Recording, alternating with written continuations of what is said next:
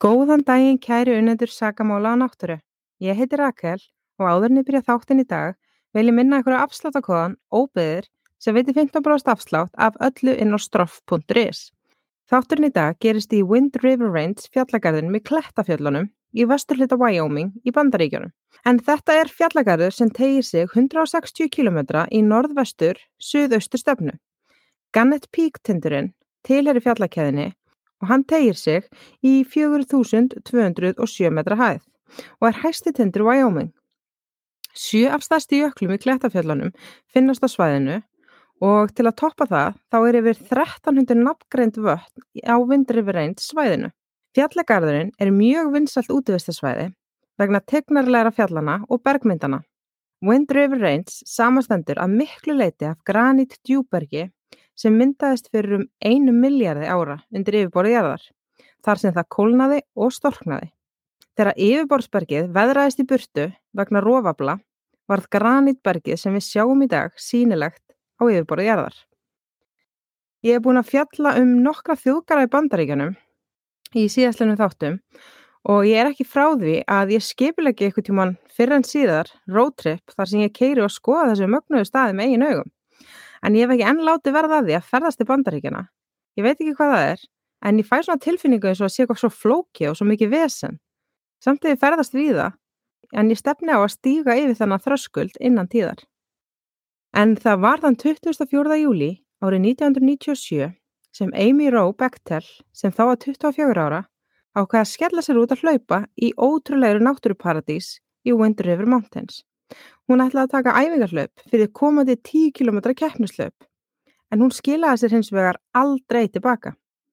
Hvað ætlaði að koma fyrir hann annan örlaðaríka dag? Við skulum reyna að koma staðið saman.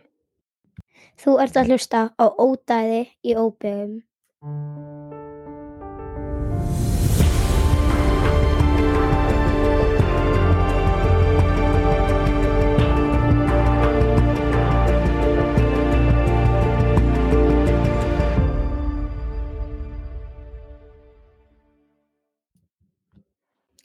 Amy Joy Rowe Bechtel fæddist þann 4. ágúst 1972 í Santa Barbara í Kaliforníu. Hún kynntist eiginmanni sínum, Steve Bechtel, í háskólanámi sínu í háskólanum í Wyoming. Steve var mikill útvistamæður eins og Amy og stundaði klettakillifur af kappi. Þau byggu saman í bænum Lander í Wyoming á þeim tíma sem hún kvarf, bæ sem hýsir í kringu 7500 íbúa. Þau voru bæði ákafir líkamsræktar áhuga menn. Hún elskaði að hlaupa og menn hann elskaði að klefra. Þau fluttu til landir í Wyoming vegna þess að mikilfenglegt landslæðið á svæðinu gerði það fullkomnu æfingasvæði fyrir þau bæði. Steve hafði augastað á kalkstenskletti sem kallast Sinks Main Wall og Amy hafði meira að segja sett markmið á að komast á sumar olimpíuleikana árið 2000. Hjónakörnin giftu sér svo árið 1996 en Amy var þá 23 ára og í kjölfarið keftu þau sér hús og fluttu unni það í lókjúli 1997, rétt um það leiti sem Amy kvarf. Að morgni 24. júli 1997 sagði Amy eiginmanni sínum Steve að hún ætlaði að klára nokkur erindi í bænum eftir að hafa kent barna lyftingartíma í Wind River líkansrættastöðinni. Hún stoppaði í ljósmyndabúð nálat heimilu sínu í landir um klukkan hálf þrjú. Því næst kom hún við í galleri 331 þar sem hún rætti við eigandan, Greg Wagner. Hann greindi síðan frá því að Amy virtist að flýta sér og leitt ítrykka á úri sitt meðan á samtalið þeirra stóð.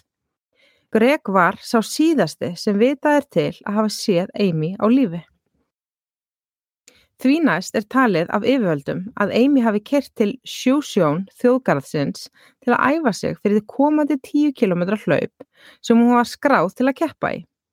Samkvæmt sjónarvotti sem óg á Loop Road í gegnum skógin síðdeis sást kona sem líktist Amy hlaupa með frá veginum í klætt svörstum stuttbuksum sviðbar þeim sem hún hefði klæðst í fyrir um daginn.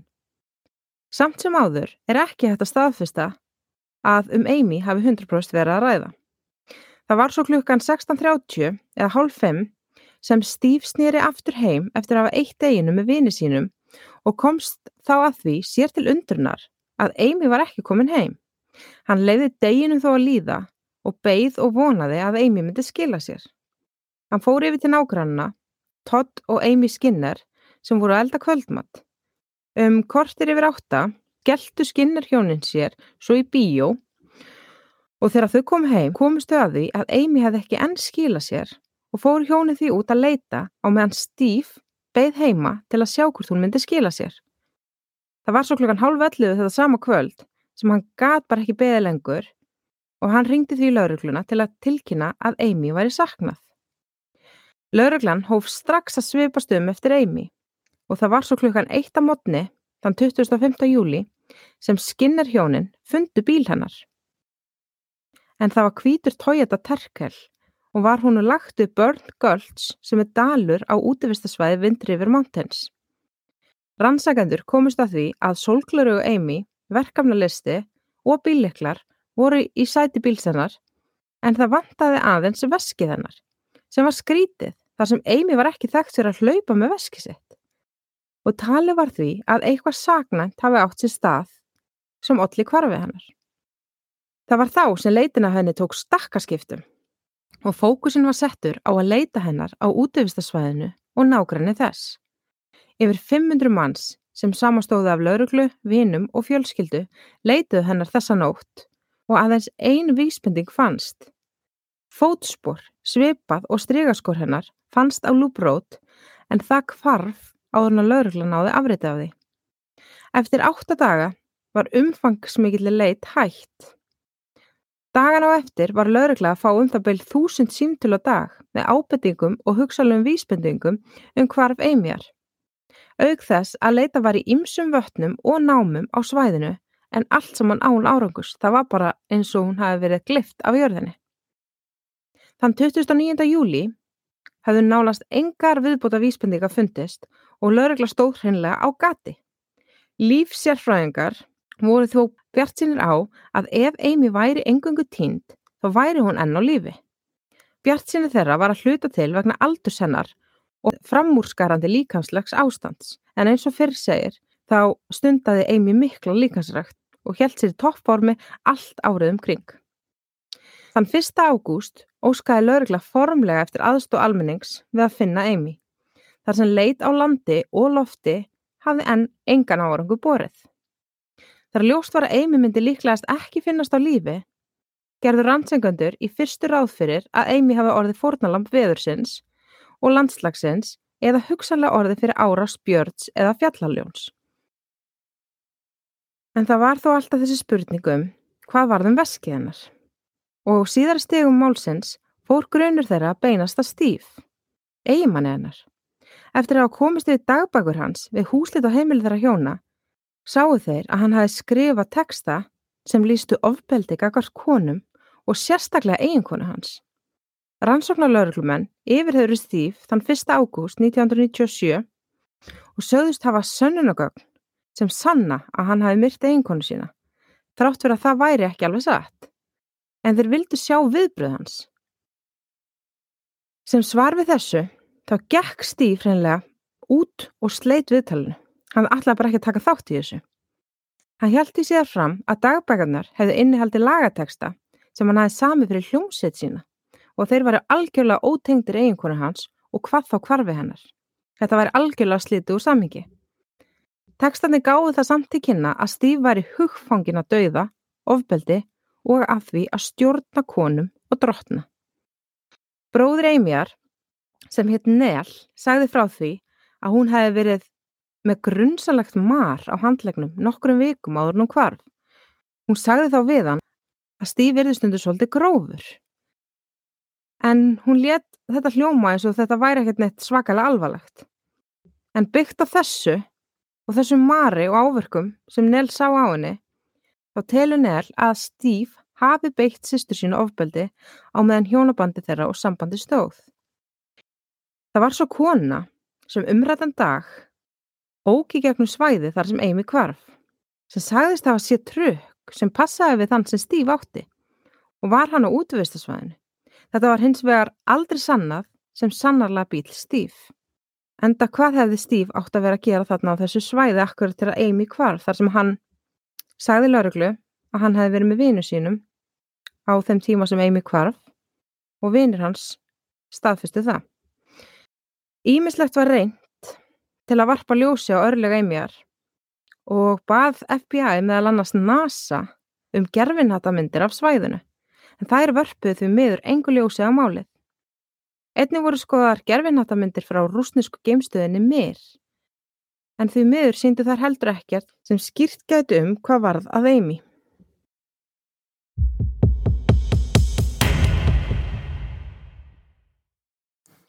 Styrþaraðali þáttarens er fjölskyldufyrirtæki Stroff sem rekur prjónaverslun í skipaltu 25 sem og vefverslunina stroff.is.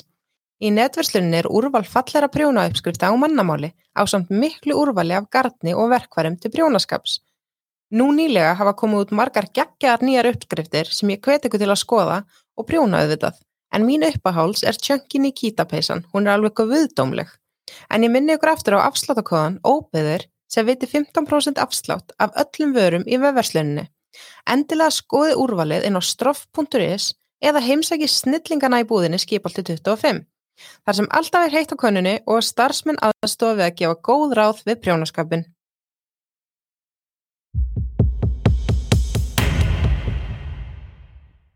Í 1998 gaf lauruglan á stánum þá út að Steve væri ekki beint grunar í málinu, heldur hefði lauruglan hreinlega viljað hrensa hann af grun til að fylgja öðrum vísbendingum, sem ekki var und að gera vegna samstarfsleysi hans við yfirvöld.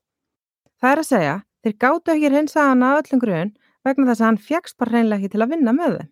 Þeir sögðu einnig að það hefðu verið eigður í starfsemi hans þennan dag og á þessum tímum hefði hann geta skadað hann að Amy og losa sig við líkanar. Steve saðist eins vegar vera með fjárvistasönnun á þeim tíma sem Amy kvarf og sem var síðar staðfest af vinum hans sem allir voru sammála um að þeir hefðu eitt síðdeginu umræðan dag með honum í klettaklefri. Hann var því beðin um að taka legamælapróf en að ráðleggingum lögfræðing síns neytaði hann þeirri bón yfirvalda. Steve hjælti fram að hann var í saklaus og fannst hann gera það sem nöðsynlegs var til að verja sig fyrir því að vera fyrir óréttlátum ákærum. Lögmaður hans benti á að legamæla próf væru oft ónákvæm og myndu ekki hjálpa við rannsóknuna þar sem ekki var hægt að nota þau fyrir rétti. Fjölskylda Amyar var mjög reið stíf fyrir að loka á rannsækundum málsins á þann hátt sem hann gerði og sögðu þau hann sjálfselskan og hjartalausan. Skinnarhjónin sem aðstöðu stíf upphálega við að leita af Amy hafa hins vegar alltaf gefið það út að þau telja hans er saklaus og að skrif hans á ofvöldisfullu tekstunum hafi reynilega bara verið tekin úr samhengi. Todd Skinner lest svo í hörmulegu slisi við Klettaklefur árið 2006 og skildi hann eftir sér þrjú ung börn. Steve skrifaði um hann minningagrein sem byrt var í klefurgrein á heimasíðu Outside. En það sem Steve telur að hafi komið fyrir eiginkonu sína er að ókunnugu maður geti hafa rænt henni og gert henni megin af einhverjum ástæðum. Önnur kenning hans er svo að aukumæður hafi fyrir slisni ekkið á hana og í skjelvingu sinni falið eða eitt líkanslegum hennar. Ekkert heyrðist eða sást af Amy næstu árin. En það var svo í júni árið 2003 að læknir á göngu fann Timex Ironman stafrænt úr nálagt Popo Agi áni og ákvað að afhenda lauruglúrið. Þetta úr var nefnilega svipað úri sem Amy hafi átt þegar hún kvarf. En þar áttur um mikla rannsóknir á úrinu, gæt laurugla ekki ákveðið hvort úrið sannlega tilherði henni eða ekki. Skömmu setna fundust bein í nákvæmni fundarstaðarins, en þau bein reyndust vera af dýri.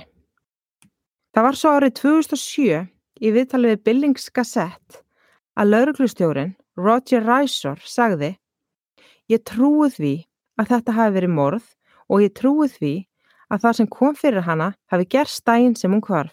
Í mínum huga er aðeins einn einstaklingur sem ég vil tala við um málið og aðeins einn einstaklingur sem hefur neitað að tala við lögjastlu aðila og það er eiginmaður hennar. Það hafa þó komið fram tilkattur um annan grunaðan aðila í málinu, svipa því sem Steve telur að hafi komið fyrir, en það er Dale Wayne Eaton. Hann er dæmdur morðingi og er á dauðadelt í Wyoming. Hann var dæmdur til dauða fyrir að hafa verið sakveldu fyrir mannrán, nöðgun og morð á Lísu Mari Kimmel aðstóðar skólastjóra hjá Billings í júli 1989. Árið 2002, eftir að DNA sínataka tengdi hann við glæpin, fannst bíl Kimmel grafin á landareign hans í Móneta í austur Fremont síslu. Samkvæmt bróður hans var hann sannlega nálagt svæðinu þar sem Amy kvarf og á þeim tíma sem hún kvarf. Sagt var að hann hafi meira að segja haldið til í bílnum sínum á því svæði sem Amy kvarf frá. Hins vegar hefur Eaton neitað að tjá sig um málið og engin sönnunogögn á hendur honum sem tengja hann við kvarf hennar. Rannsækundum málsins og starfsmenn sjósjón þjóðgarðsins voru lettir í oktober árið 2016 til nokkura staða meðfram lúprót af miðli sem hjælti fram að hún og tveir aðri miðlar hefðu fundið fyrir tengingu við kvarf Eymjar. En jörðin var frosin á þessum tíma og það var mikil snjóþekja. Þannig að ákveðið var að snúa aftur um vor með leitarhunda til að aðtöða staðsendingarnar sem voru ákveðnar af miðlunum en án árangurs. Amy var formlega skráð látin að ósk eiginmann sennar árið 2004. Því miður komst fadir Amyar, hann Duan, aldrei að því hvað kom fyrir dóttur sína þar sem hann lést árið 2001. Í gegnum tíðina hefur máli fengið gríðalega fjölmiðl aðtegli og alla tíð hefur Steve neitað að hafa átt nokkuð þátt í kvarfi eiginkonu sinnar sem nú hefur verið tínd í 24 ár og 8 mánuði. Amy hefur verið líst sem hvítri konu með ljóst hár og blá augu. Amy er með gött í eirum og notast alla jafna við linsur. Amy er með mörg ör á líkamannum, þar á meðal sköplungum og njám, á mjóbóki og á vinstri kinn. Komið var á fóti vefsíðu sem fjallar um hvarf Amyar með vonum að dreifa sögu hennar sem lengst. Þar kemur fram að hvarf hennar sé mögulegt mannrán. Fólk sem hefur einhverja vittneskjöfu um málið eða telur sig hafa er vinsalast beðið um að hafa samband with Crime Stoppers. Í lok ágúst 2017 voru liðin rúm 20 ár frá hvarfi Eymjar. Gefin var út fréttatilkynning þar sem laurugla gaf það út að máli væri sannarlega enn opið. Enn væri gert ráð fyrir að Eymi hafa orðið fyrir barðinu á ódæðismanni en það var þó engungu kenning sem hafði engar sannanir og hefur ekki í dag. Lauruglumæðurinn sem stýrir rannsókninni, hann Lý, gaf það út að vísbending sem lofaði góðu hefði verið rannsókuður ári áður eða 2016 en hún hafi svo runnu út í sandin. Ekki er tekið fram hvaða víspending það var. En fyrir þá hans yfir tímalínu málsins. Amy Rowe Bechtel var 24 ára og ætla að æfa sig fyrir kefnislaup í Wind River fjallakeðinu við heimabæ hennar í Lander í Wyoming þann 24. júli árið 1997. Þar sem Amy skilaði sér ekki heim, tilkynnti Steve eiginmaður hennar hann að týnda sama kvöld og skömmu síðar fannst bíl hennar en ekkert vantaði hann nema veski hennar. Fljóðlega fór lauruglega gruna að Amy hafi verið myrt. Frá kvarfi hennar hafa nánast engar vísbendinga komið fram í dagsljósið sem varpa geta ljósi á það hvað kom fyrir Amy. Trátt fyrir eiginmaður hennar hafi gegnum tíðina verið svo sem helsti talin komið til greina sem morðingi hennar trátt fyrir aðra kenningar hafi vissulega komið fram. Málið er enn óleist og opið. En hvað ætli sé að fretta stíf í dag? Ég er alltaf svo forvitin að vita hvernig makanum, sem er hvað grunnsanlegastur, hvernig honu vegnar í lífinu. Ég hef heyrt talað um það að ef þú ert segur, þá mun annarkvort eftirfarandi að öllu líkitum gerast. A. Að einstaklingurinn sem fremur ódæðið og kemst upp með það allavega tímabundið, breyti hegðun sinni og lífstíl til hens að verra. Hann lendi í ruggli eða halli sér um og of að flöskunni þannig að lífsgæðin og fjárhagur fara á hliðina. Eða að lífsgæðin og lífstílinn batni til muna. Manneskjan til dæmis frelsast og fer að taka þátt í sjálfbúðastarfi og láta gott að sér leiða til að reyna bæta fyrir ódæðið. Kallast þetta post-crime behavior að mér skilst og er algengt að rannsækandi rýni í til þess að reyna að átta sig á mögulegri breyttri hegðun hins grunaða. Í dag á Steve farsalan feril að baki og hann er enn að. Hann er 52 ára og hefur gefið út 5 bækur um klettaklefur og hefur starfað við það ásamt því að þjálfa klefur í landir. Hann býr enn í landir þar sem hann á Elemental Performance plus Fitness Gym og rekur klefurþjálfun sem kallast Climb Strong. Vorið 2004, það sama ár og Amy var formlega talin af, byrjaði hann að deyta konu að nafni Ellen Sisman.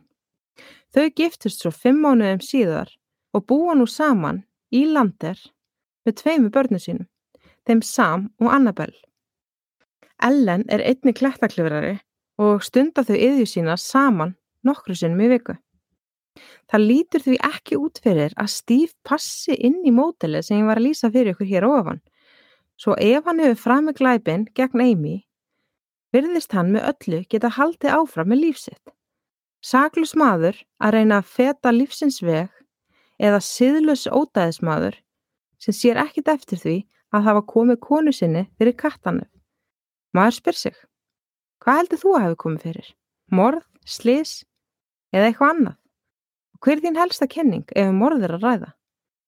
Vonandi kemur svo dagur að það finnist eitthvað sem dregur allan vafa af því hvað kom fyrir elsku Amy þennan örlagaríka dag í júli fyrir svo rosalega mörgum árum síðan. Hvað sem er, bein, fatnaður, búnaður, bara eitthvað. Takk fyrir að hlusta.